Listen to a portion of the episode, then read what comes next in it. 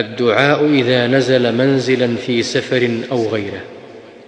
يقول أعوذ بكلمات الله التامات من شر ما خلق.